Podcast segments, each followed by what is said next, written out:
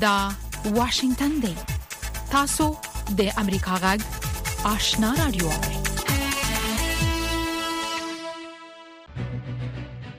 درنو اوریدونکو السلام علیکم سارم نیکمرغه زه نو شابه آشنایم تاسو د امریکا غږ آشنا رادیو نه د سیمه او نړۍ خبرونه اورئ ویاند سید سلیمان شاه د نړۍ د اوو صنعتي هېوادونو مشرانو پرون د یکشنبې په ورځ ناوخته د یوې انلاین عالي غونډې په دوران کې چې د یوکراین جمهوررئیس ولودومایر زیلینسکي هم پکې له کیف نه برخه اخیستې وه او د له نازي آلمان او فاشیزم نه د اروپا د ازادۍ د کلیزې د لمانځلو په مناسبت جوړه کړې وه، په یوې بیانیه کې وویل چې د جمهوررئیس پوتین او د هغه په مشرۍ د روسیې واکمن رژیم بې له کوم جوازه پر یوکراین برید وکړ او یو خپلواک هېواد یې د خپل تیري هدف وګرځو.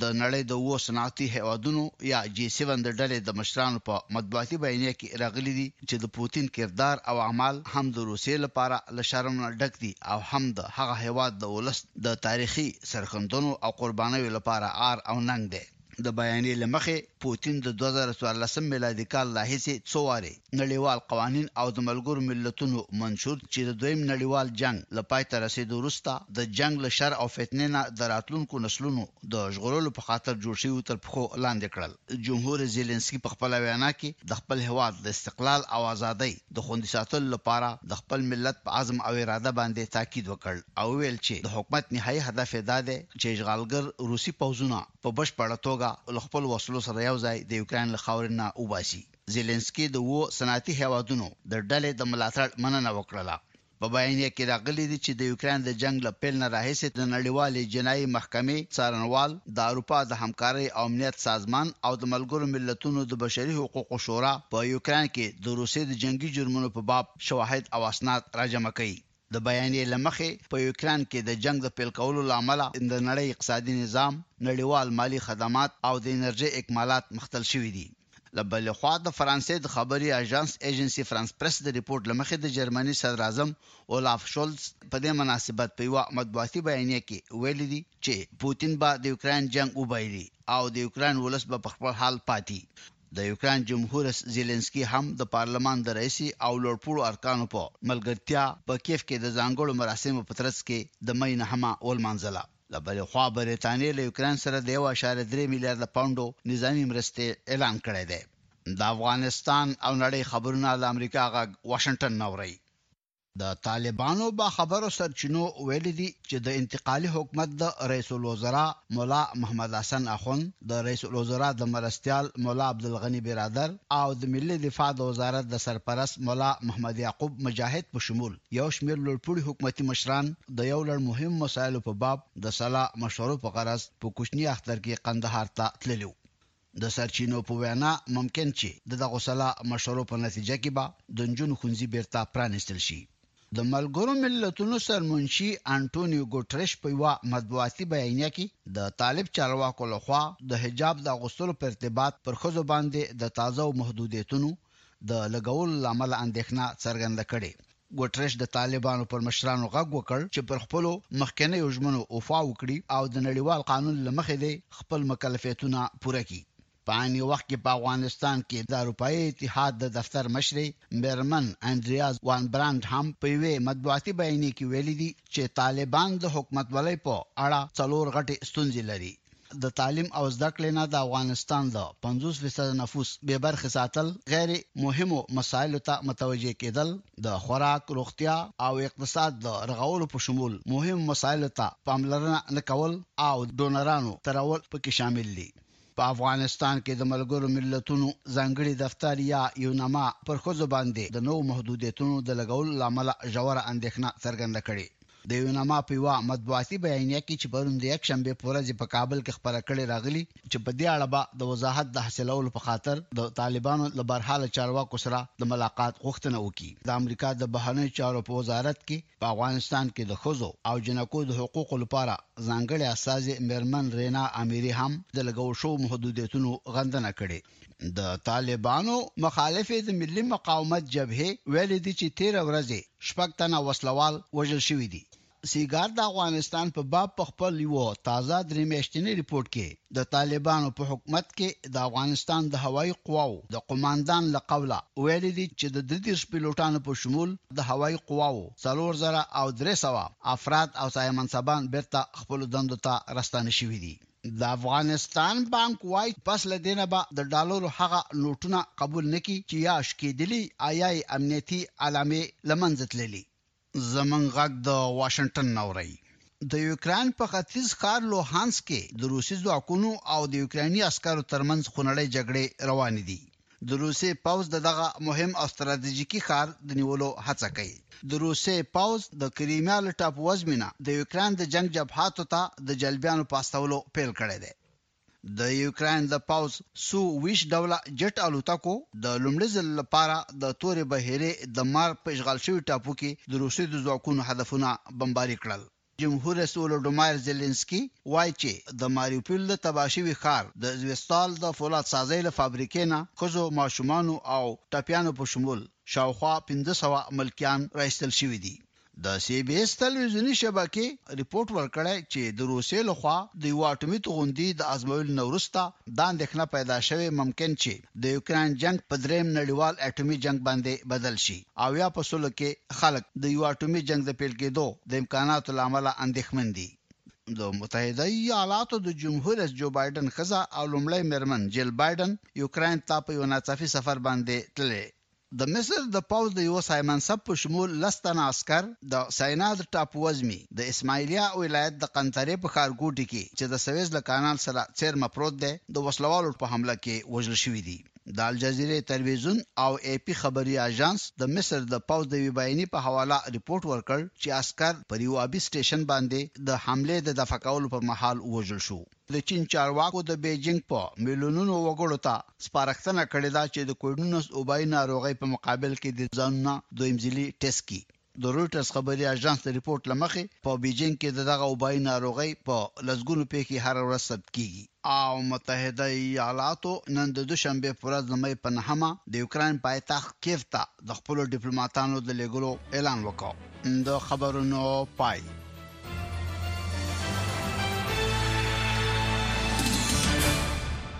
د سیمې او نړۍ خبرونه واوریدل پام وکړئ د سیمې او نړۍ په اړه رپورټونو ته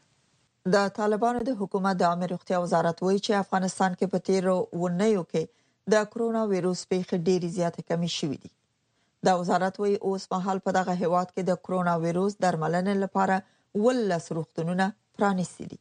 په دې اړه نور تفصیل د اکرام شینواري په رپورټ کې اورئ. د طالبانو د اسلامي امارت د عامې روغتیا وزارت وایي چې د روان دوه زره دویشت میلادي کال د لومړیو درې میاشتو پرتله اوسمهال افغانستان کې د کرونا ویروس په مثبتو پېښو کې د پام وړ کموالی راغلی. د دغه وزارت ویاند ډاکټر جاوید حجیر وایي چې په تیرو څلور میاشتو کې په څلور دیش ولایتونو کې ټولې 19915 مثبتې پیښې ثبت شوې چې 18930 شي په لومړی درې میاشتو کې او یوازې یو زر او یو سل سلیری شي د تیر اپریل په میاشت کې ثبت شوې دي. در سه ماه شروع سال آمار متاسفانه بلند بود ډاکټر حجیری ویل د کال په لومړیو درې میاشتو کې متاسفانه د پیښو شمیر ډیر لوړ خو اوس له دې کمرغه د پیښو شمیر ډیر زیات ټیټ شوی دی جاوید حجیروی چې د کال د لومړیو درې میاشتو پر تله په تیر میاشت کې د کورونا وایرس د ناروغي لامل د مړو شو شمیر کې هم د پام وړ کموالی راغلی د امیر روغتیا وزارت وایي خبر اعلان ته ویل چې د کال په لومړیو درې میاشتو کې د کورونا د ناروغي لامل 209 تنه مړ شوی چې د کال په څلورمه میاشت کې ټول 12 تنه په دغه ناروغي مړ شوي دي افغانستان کې د کورونا وایرس لومړی مثبته پیښه د 2020 میلادي کال د فبرورۍ په میاشت کې د هرات په ولایت کې ثبت شوې و د عامې روغتیا وزارت شمیرنې ښیي چې افغانستان کې د کورونا وایرس د ناروغي د خپرېدو راهیسې تر اوسه د 915 زره او 300 څلور تنو مشکوک سمپلونه معاینه شوي چې له ډلې د یو سل اتاویا زره او نهه سوه دویشت تنو د کرونا د وایرس د ټیسټونو پایلې مثبتې ختلې دي. په دغه موده کې یو سل یو شپېته زره نهه سوه شپږ دېرش تنه پر کرونا د اخته کېدو وروسته بېرته ښه شوي او اووه زره شپږ سوه څلور اتیا تنه په دغې ناروغۍ مړه شوي دي. د عامې روغتیا وزارت ویاند جاوید هجیر وایي چې افغانستان اوسمهال د کرونا وایرس سره د مبارزې په برخه کې ښه امکانات لري.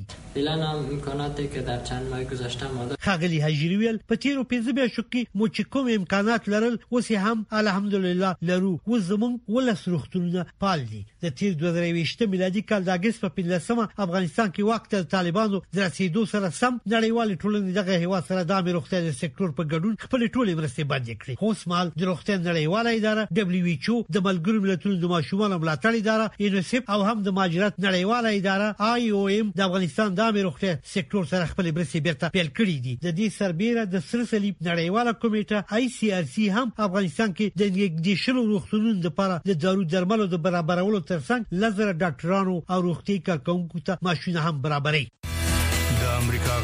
آشنا رادیو په خپلو بیلو بیلو خبرونو کې د نړۍ د ګډ ګډ او د افغانستان په باب جامع به طرفه او موثق راپورونه خبري د امریکا غږ د آشنا رادیو خبرونه مهیروي تاسو زموږ غږ د واشنگټن د سټډیو ناوړي دیونه کې د کرونا وایروس لکبل د خلکو د مړینې شمیر ل 15 میلیون نه واوښت چې یو میلیون یې یوازې په امریکا کې ثبت شوي دي. اوس په امریکا کې څېړونکي تېرو دوو کلو ته نظر اچوي چې چېرته، څوک او ولې دغه کسان مړه شوي دي. په دې اړه پام وکړئ رپورټ ته.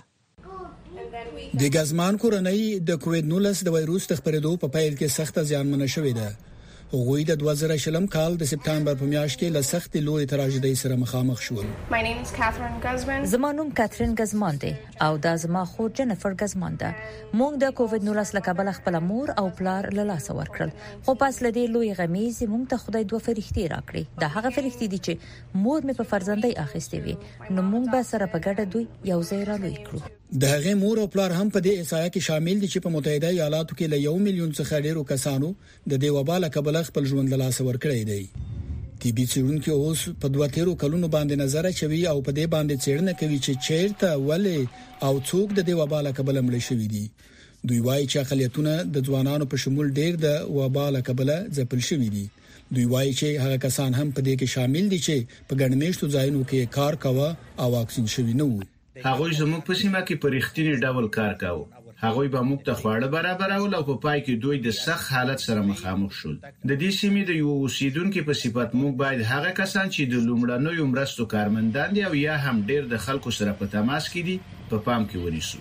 او له هغوی څخه ځان ساتنه وکړو. په امریکا کې کله چې په لومړي ځل د کووید نولس پېښې ولیدل شوې، ډېر خلک په کلیوالو سیمو کې خپل ژوند له لاسه ورکړ. خو بیا ورو ورو د وبا پیښې ښاري سیمو ته هم راورسېدلې په لومړي سر کې د دې وبا په وړاندې په ملي کچه اقدام نه کېده او ورسره خلکو هم د واکسین په اړه ضد نقیز معلومات ورکول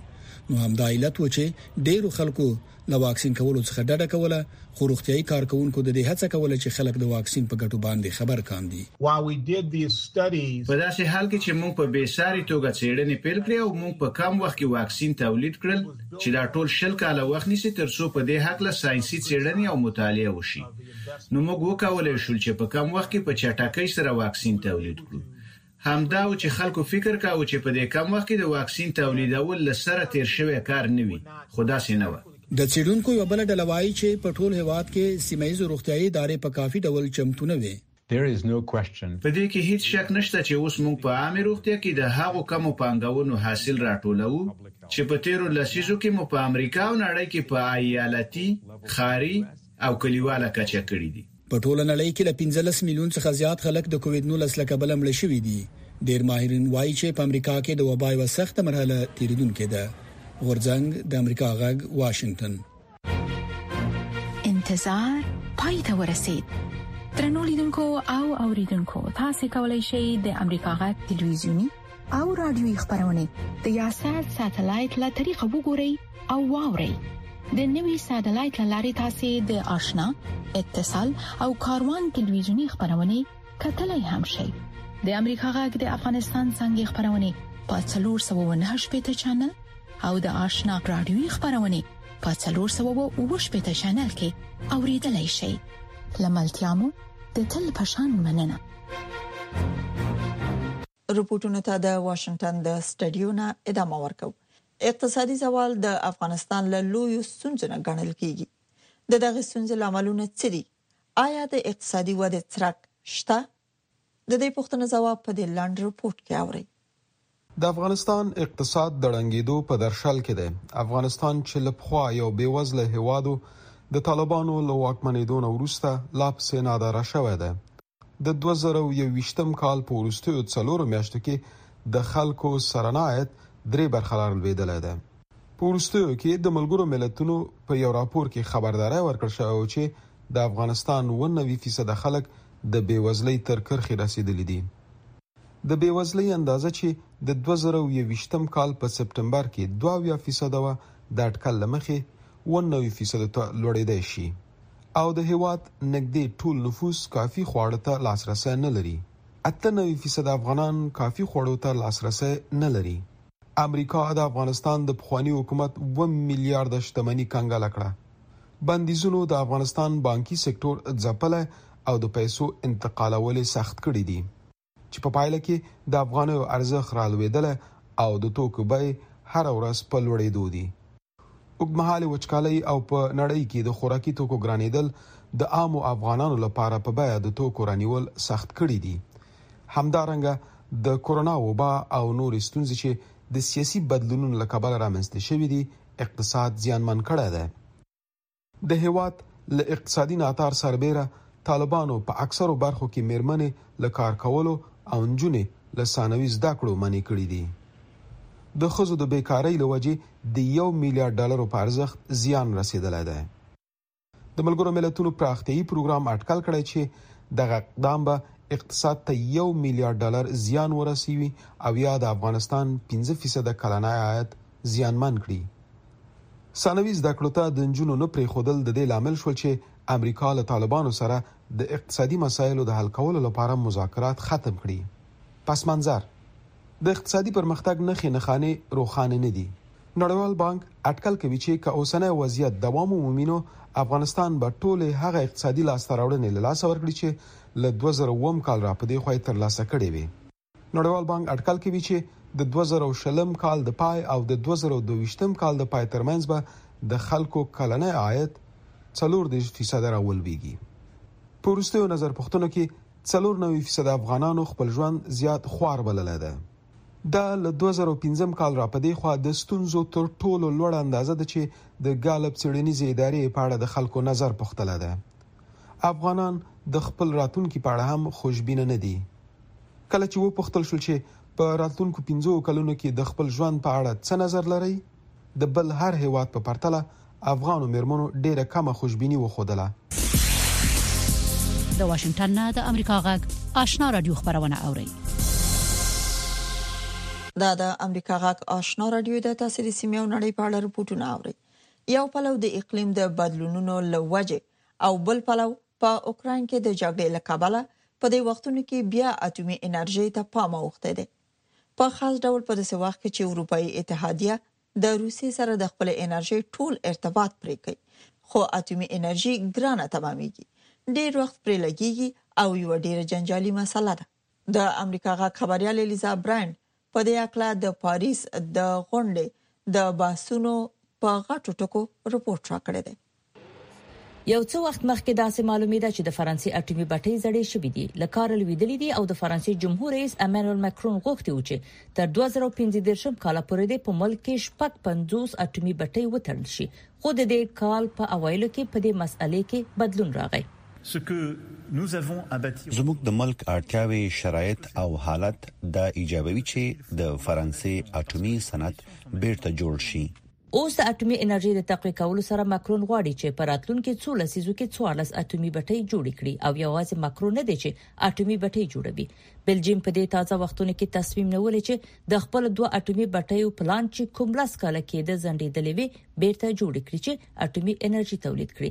پولند او رومانیا هم همدغسې نظر لري چې زاړه ریاکتورونه چې تیز او ارزانه دي لري کړي او پر ځای اننوي بټۍ جوړې کړي همدا غرض حتی بریټانیا چې زیاتر اټومي بټۍ پر راتلونکو څو کلونو کې لکار لويږي اوس غواړي چې نوې اټومي بټۍ جوړي او پر ځای کړي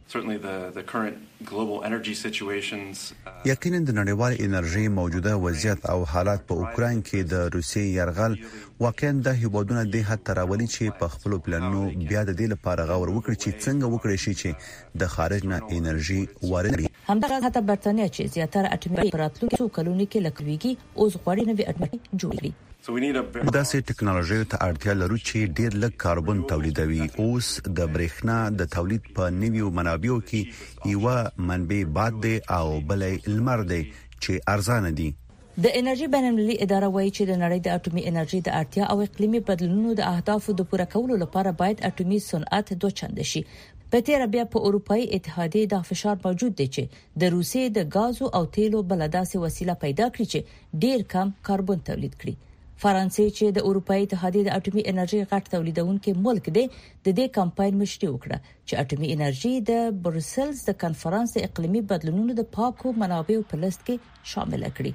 د اتومي انرژۍ بدیل او چاره شته نو ځکه موږ دې ته ضرورت لرو چې د برق او انرژۍ د نویو او تجدیدي منابعو په برخه کې 100% پانګونه وکړو په دې چې اتومي انرژي مسؤونه انرژي نه ده خو ځینې هیوادونو ته اتومي انرژي د حل لار نه ده جرمني بالکل د روسیې په انرژي متکی ده تر اوسه لا هم پلان لري چې خپلې پاتې درې اټومي فابریکې د دې روان کال تر اخره پورې وتړي د چاپریال د چارو یو مبارز وای د فرانسې په شان هیوادونه باید همدغه سي اقدام وکړي رڼا دوراني غورزنګ د امریکا غک واشنگټن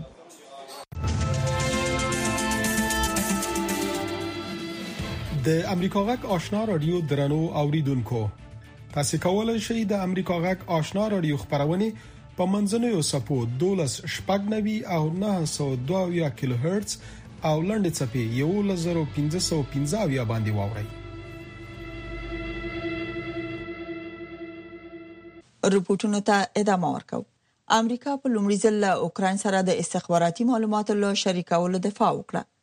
او دغه کار یې له اوکراینیانو نه له خپل ځان نه د دفاع کولو کې مرسته بللې. بلخوا د ملګرو ملتونو د امنیت شورا د اوکراین د ستونزې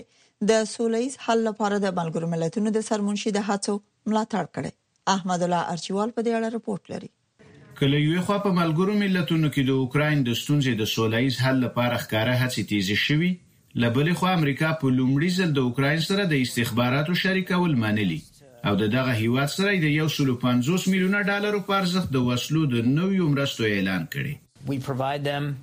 مونږ اوکراین ته د روسیې د پوځي ټولیو په اړه هغه معلومات چې مونږ باور لرو چې اړوند او پر وخت دی ورکوو ترڅو چې دوی د خپلې بهترینې وړتیا سره سم له ځان څخه دفاع وکړي هغه ډول معلومات چې مونږ یې دوی ته ورکوو هغه مشروع قانوني او محدود دي په یوه تازه پرمختګ کې ملګرو ملتونو پر اوکراین د روسیې له یرغل وروسته د لومړي ځل لپاره په یوه خوله په یوه پرېکړهلیک کې د اوکراین د لانجې د سولهییز حل لپاره د دغه سازمان د سرمنشي انتونیو ګوتېرش د هڅو ملاتړ کړی. The war in in Ukraine is causing unimaginable suffering of the entire population of Ukraine. په اوکراین کې جګړه د اوکراین ټول نفوس ته له تصور وتلې ستونزې جوړوي. میلیونونه اوکراینیان بشري خوندیتوب او مرستې ته سخت اړتیا لري ناروی او مکسیکو د ملګرو ملتونو د سرمنشي لخوا د وی اعلامیې نشرولو چارې پیل کړي دا مهمه ده چې په اوکراین کې د جګړې د پای ته رسولو لپاره د ملګرو ملتونو سرمنشي دغه سازمان د امنیت شورا بشپړ ملاتړ ولري د ملګرو ملتونو کورنۍ د دې سازمان ملي او بینالمللي ملګري د اوکراین د خلکو څخه د ملاتړ لپاره خپل اعظمي هڅې کوي د اوکراین ولسمشر ولادیمیر زیلینسکي د اوکراین پلازمېنې کییف ښار ته څېرمه د وژل شوي نامتو پوځي ژورنالیست الکساندر ماخوف کار ستایلی او روسیه یې د دغه شپږ دېرش کلن ژورنالیست د وژنې مسؤله بللې. روسیه به د دې مرګ مسؤلیت ولري او اوکراین به خامخا په دې جګړه کې برلاسی کېږي. فکر کوم د خبریال الکساندر خوب هم همدغه و او موږ به دغه خوب په رښتیا بدل کړو.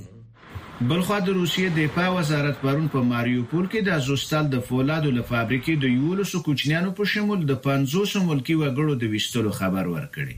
دا فابریکه دا مهال په ماریوپول ښار کې د اوکراین د کنترول لاندې یواځنی ځای دی. په ورته وخت کې د امریکا لومړۍ میرمن جل بایډن د اوکرایني کډوالو د حالاتو له نږدې د لیدلو لپاره اروپا ته د خپل څلور ورځني سفر په ترڅ کې رومانیې ته رسیدلې.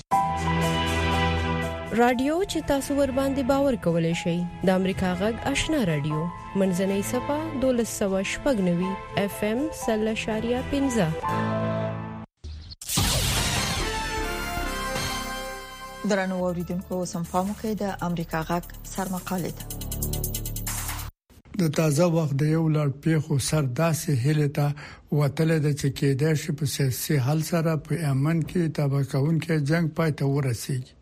دغه جنګ اووه کاله پخوا پیل شو کله چې د ایران په ملاتړ حوثي یاغیانو د هیواد زیاته برخه ونیوله او په بین المللي سطحه په رسمیت پیژندل شوی د یمن جمهور رئیس یې تبعید ته مجبور کړ. له هغه وخت نه را په دېخوا د یمن د حکومت په غوښتنه د سعودي عربستان په مشرۍ د حوثیانو په خلاف د هیوادونو ائتلاف جوړ شو. د جنګ په نتیجه کې د اټکل له مخې درې سوه او اویا زره تنه ووژل شول، په میلیونو نور یې بې ځای کړل او یمنیان یې د جدي فقر او لوږې سره مخامخ کړل. د اپریل د میاشتې په دوهمه نیټه چې روزه پیل شوه د ملګرو ملتونو په منځګړیتوب دوه میاشتنې نوې شوې اوربند د امن د جمهوریت حکومت او حسینو ترمنځ ټینګ شو د دوه خواو له خوا د نظامی عملیاتو له دراولو شرط کېښودل شو، د تېلو کښتیو لپاره اسانتیاوې برابرې شولې چې حدیده بندر ته ننوځي او د سنا له هوایي ډګر نه د تجارتي الوتنو لپاره او یوه موافقه وشوله چې هغه سرکونه خلاص کړي چې محاصره شوي ولایت تعز او نورو جنجالي سیمو ته ورځي. د یمن لپاره د امریکا خاص استازي ټیم لندر کینګ ویل دغه اوربند د لومړي اقدام استازي توپ کوي چې احتمال لري د ایمي اوربند شي د ویل کې بین المللي ټولنه او په جنجال کې شامل خواوې په ګډه کار وکړي دا به دوامدار اوربند او جامع سیاسي پروسس منځته راوړي چې بل اخر به یمن ته یو نوې بڼه ورکړي موږ غواړو په یوه قاطع شیبه باندې